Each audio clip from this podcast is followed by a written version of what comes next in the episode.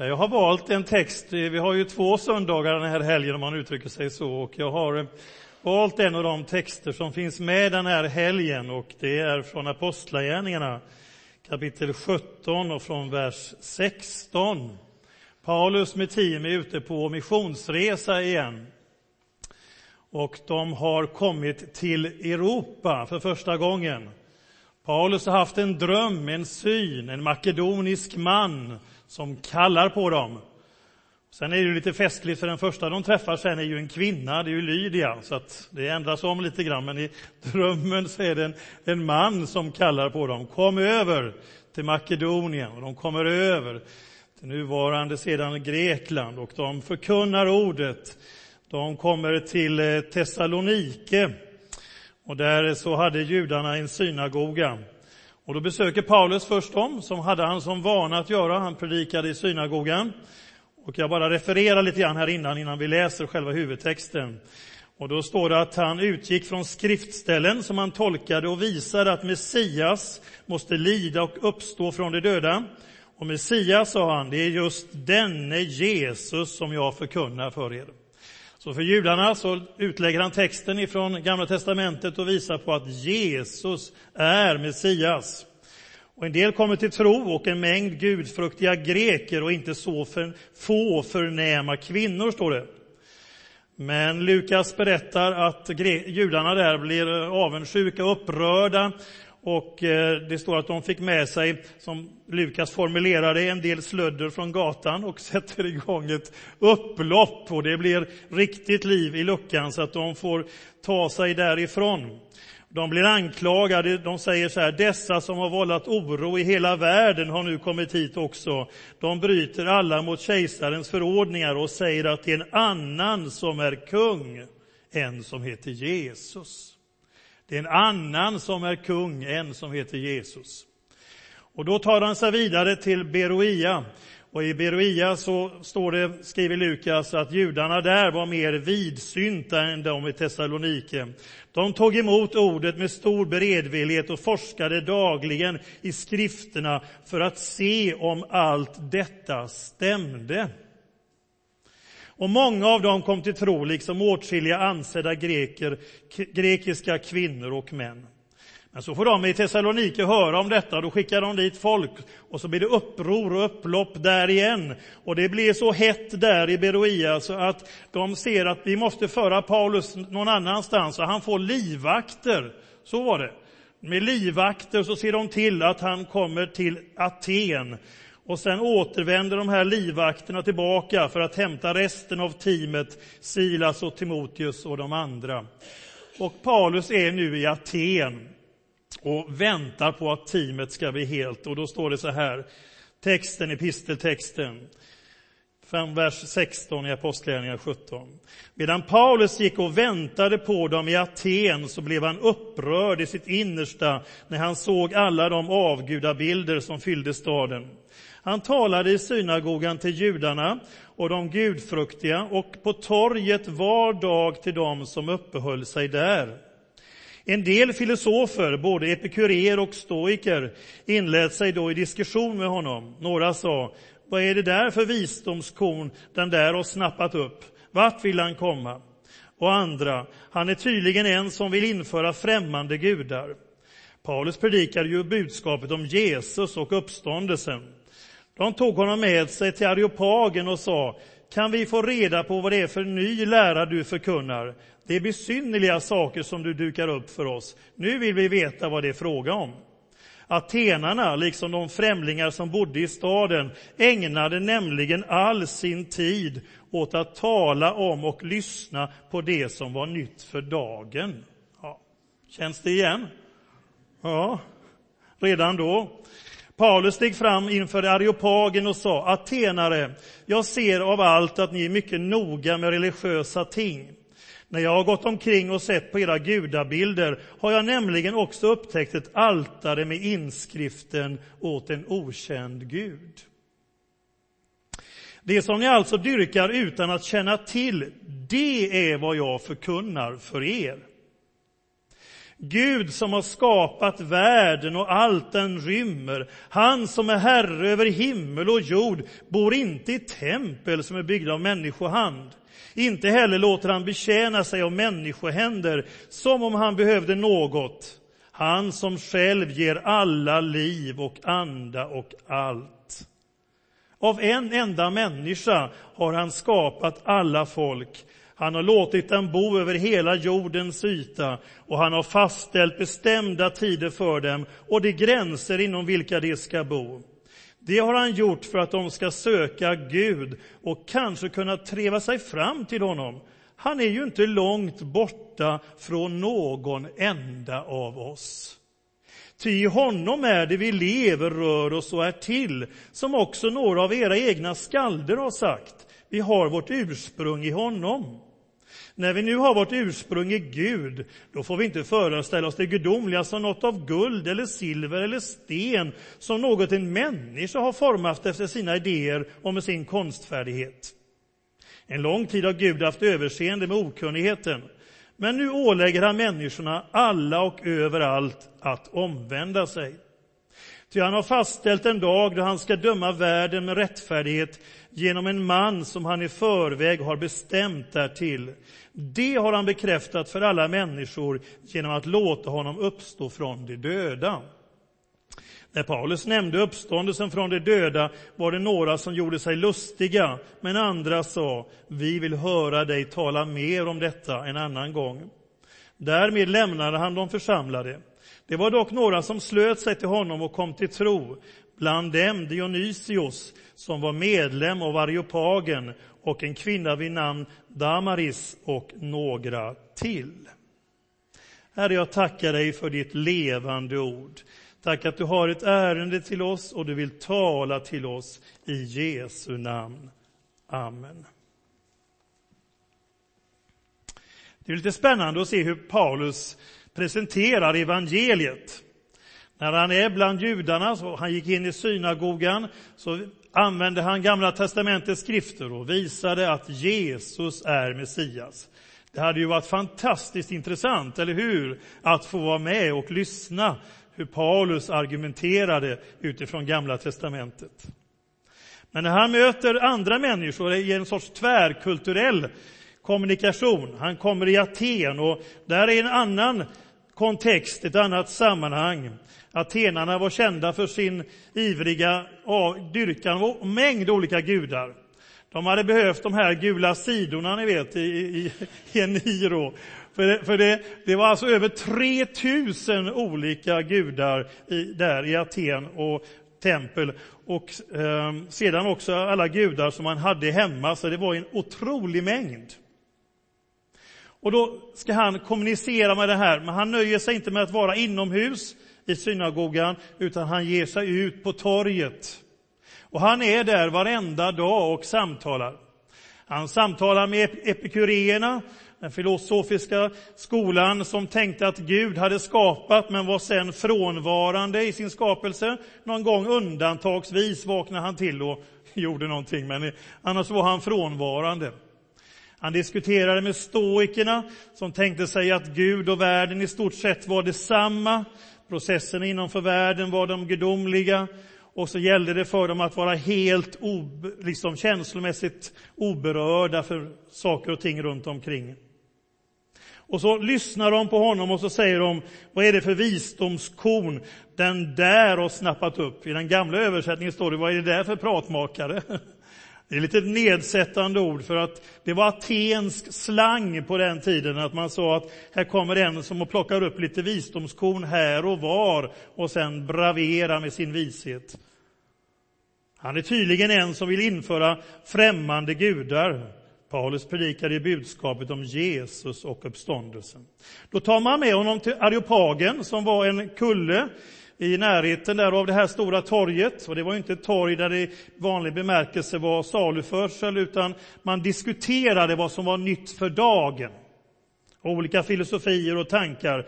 Och nu så förs Paulus till Areopagen där man kontrollerar helt enkelt filosofernas undervisning. Och nu vill man kolla vad är det Paulus undervisar för någonting.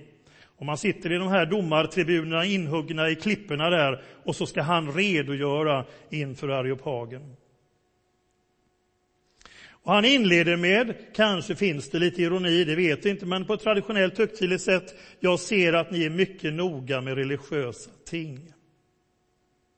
Och när han har gått omkring där så ser han att det finns ett altare som säger åt en okänd Gud. Det fanns med där. Och där anknyter Paulus och säger att det altaret, den Gud som ni dyrkar utan att känna till, det är vad jag förkunnar för er. Han hittar en spännande anknytningspunkt som jag vill återkomma till strax ytterligare. Men säger att det, den här okände guden, det är vad jag förkunnar. Och så predikar han om Gud som skaparen. Så inleder han. Gud som är skaparen, som har skapat allting. Världen tillhör ju honom. Han är skapelsens herre.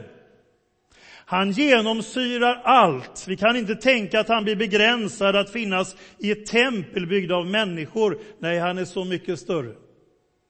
Vi kan få möta Gud var och när som helst.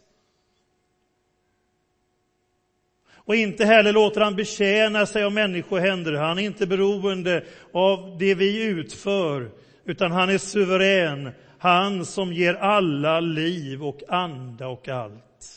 Gud är livgivaren som har skänkt oss livets gåva. Av en enda människa har han skapat alla folk. Där slår han fast människovärdet. Gud har skapat dig och mig, man och kvinna, tillsammans är vi Guds avbild. Av en enda människa har han skapat alla folk. För grekerna på den tiden tänkte, som det lätt kan bli i vår tid också, det finns lite sån här överlägsenhet ibland, och de tyckte att de var för mer än många andra folk och då kallar man dem för barbarer. Ja.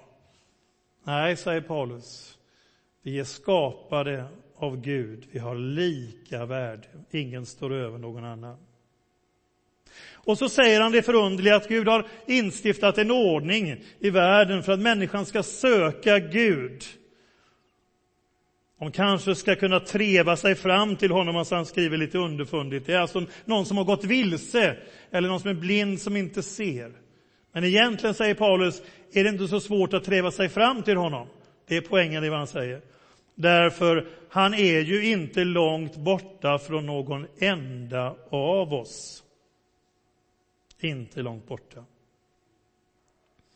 Och vi påminde oss om förra söndagen att Gud är en sökare. Det är evangelietextens starka bud. Det ska vara nytt i hela det judiska tänkandet att Gud är en aktiv sökare av det förlorade och det vilsegångna av syndaren. Han är inte långt borta från någon enda av oss. Och så citerar han en poet, Grek, äh, Kretas store hjälte, poeten och profeten, som eh, Paulus kallar honom för i Timoteus 1 och 12. Ni vet att Paulus har en liten underfundighet, om ni vill läsa i Titus 1 och 12 sen, där eh, han säger att eh, det, det, är en hel del att göra med människorna på Kreta, för de är, de, säger han, de är lata och glupska, står det. Det var väl på den tiden, men det är inte hans egna ord, utan han citerar någon där, nämligen Epimenides, som Paulus kallar för profet. Det var deras store poet. Och det citatet lyder så här, hela dikten. De gjorde en grav åt dig, o helige och höge Kreterna, lögnare jämt, är odjur, glupska och lata. Men du är inte död, för evigt är du uppstånden och lever. Ty i dig är det som vi lever, rör oss och är till. Det är Epimenides. Det är på 500-talet före Kristus. Och vet ni vad? Epimenides var känd för att resa altare åt en okänd Gud. Och vad hände på 500-talet före Kristus? Ja, greken, jag ska ha namnet riktigt här, den grekiske författaren Diogenes Laertius berättar, han skriver det här på 200-talet efter Kristus i ett klassiskt verk som heter The Lives of the Eminent Philosophers. Där återger han som ska vara historiskt korrekt vad som skedde i Aten 500 år tidigare, nämligen att Aten var drabbad av en hemsökelse, någon pest av något slag, och folk var sjuka och dog. Och man bad till alla sina gudar och ingenting hände. Men då hörde man, visste man om en som heter Epimenides på Kreta, som reste altaren åt en annan gud. Och man kallar på honom och han kommer dit. Och han säger till atenarna så här, att ni ska ha hungriga får. Och de fåren tidigt på morgonen är de som allra hungrigast, som ändå inte börjar beta, utan lägger sig ner bara i gräset. De ska ni offra, så ska hemsökelsen upphöra. Och atenarna gör på det viset och hemsökelsen upphör. Och då reser man ett altare, Epimenides gör det, åt en okänd Gud. Paulus kände säkert till det här, det framgår inte i Apostlagärningarna, men han citerar Epimenides både här och i Titusbrevet. Jag tror alldeles övertygad om att han kände till den legendariska berättelsen. Så bakom den här anknytningen åt en okänd Gud har det väntat i närmare 600 år att få sägas att den guden som hjälpte er då, det är den guden jag förkunnar nu. Och ser man ut över vår värld så finns det en hel del märkliga Guds försteg, om vi skulle uttrycka det så. Jag har ju varit då vi var på besök i Thailand här i november och fick återigen, jag ska bara ta ett exempel till här då, återigen höra om berättelsen om de här tre bröderna, upphovet till Karenfolket. Där de två stora bröderna är karenerna och lillebror är den som ger upphov till européerna, till de ljushyade. Och de hade en gudomlig bok, men de två äldre bröderna slarvade bort den. Men den tredje lillebroren hade bevarat den, men han var bortrest långt bort. Och nu väntade man bara på att den ljushyade lillebror skulle komma tillbaka med den gudomliga boken. Det hade de första ljushyade västerländska missionärerna inte en susning om berättas det när de kom på 1800-talet till karenerna. Men de kom, västerlänning med en gudomlig bok och började predika det. Och det blev ju mängder av människor som kom till tro. Så missionärerna undrar vad är det som händer? Men de hade ju väntat på det här. Det fanns ett Guds försteg. Och vill du läsa mer så kan du läsa av antropologen Don Richardson i Evigheten i deras hjärtan, som är en förunderlig bok. Och också av hans förundliga erfarenhet på Papua Nya Guinea, hur han hittade en väg att förkunna evangeliet där. Åter tillbaka till apostlagärningarna. I honom är det vi lever, rör oss och är till. Som några av era egna skalder har sagt, vi har vårt ursprung i honom, vi är av Guds släkt. Och där så citerar han också en stoiker, Aratus, som var väl närmast pantist egentligen. Men han använde deras eget tänkande för att visa på att det håller ju inte med alla de här avgudadyrkan som ni håller på med. För har vi vårt ursprung i Gud, som era egna skalder har skrivit, då kan vi ju inte föreställa oss det gudomliga som något av guld eller silver eller sten och så vidare. Nej. Så han hittar anknytningspunkter och använder deras eget tänkande och argument för att visa på den levande guden är så mycket större. En lång tid har Gud haft överseende med okunnigheten, men nu så vill han att alla ska omvända sig. Sinnesändring, göra bättring, vända om till den levande guden. Och så säger han de förunderliga orden att en dag så kommer en ny världsordning. Gud ska döma världen med rättfärdighet. Ni var väl med i psalmistens underbara beskrivning, hur träden jublar och klappar i händerna och bergen ska jubla. Tänk hur det kommer att bli. Jag funderar hur, ja, man går ut i skogen och det är fullt liv i luckan. Det kan det ju vara nu med i våren med alla fåglarna som sjunger. Men då är det träden som jublar, hela skapelsen längtar. Och så skriver Paulus i Romarbrevet att hela skapelsen längtar, precis som vårt inre längtar, att få se Herren, att få möta honom, så längtar hela skapelsen. En ny värld. Bönen i Fader vår ska bli besvarad. Då Guds vilja sker på jorden så som i himmelen, den kommer att besvaras. En bön av rättfärdighet och frid och trofasthet får mötas. Och det är en sån beskrivning i Saltarens beskrivningar, en värld av rättfärdighet och fred. Och det, säger Paulus, det kommer att bli så därför att genom en man, Jesus Kristus, som har dött och uppstått och han har bevisat det för oss genom att han har uppstått från de döda. Det är grunden för en kommande värld. Och den världen vill Gud att alla ska vara med. Vänd om! Välkomna rikets konung Jesus Kristus. Och så kan vi se att det blir lite olika. En del här med omvändelsen var, var de inte riktigt pigga på, en del. Men andra ville kom till tro. Och bland annat Dionysius som både var domare och senator i Arepagen, han som egentligen skulle döma Paulus, om man säger så, blev dömd av Paulus undervisning, om ni följer med mig där. Han blev Kristi segerbyte och enligt traditionen blev han den första församlingsledaren i Aten. Han är inte långt borta från någon enda av oss. Vi har ju haft kristendom i Sverige i över tusen år. Vi har inte samma sammanhang som Paulus förkunnar på ett sätt i Aten. Men vi har det för vi har mångkulturellt, vi har olika traditioner och inriktningar i vårt land. Han är inte långt borta från någon enda av oss. Jag lyssnade till Marcus Birro, spännande och uppfriskande på Nyhemsveckan i eh, tisdags var det väl. Där han utmanade kristenheten att vara frimodiga att tala om Jesus. Han berättade så här, han tyckte att han var hyfsat allmänbildad. Han har ju vunnit på, på spåret en gång där, fast det var väl mest hans kvinnliga medarbetares förtjänst, tyckte han. Pojanen tror jag hon heter. Eh, men han sa att jag, jag kunde komma ända dit, men jag hade ingen aning om vad Frälsningsarmén sysslar med förrän jag såg en helsidesannons. Det finns sån okunskap. Han sa att han får mängder av mejl, för han skriver om tro i Expressen, kröniker. Massor av mejl, där många är positiva, men de har ingen riktig kyrkotillhörighet eller vet vad de ska ta vägen riktigt med sin tro.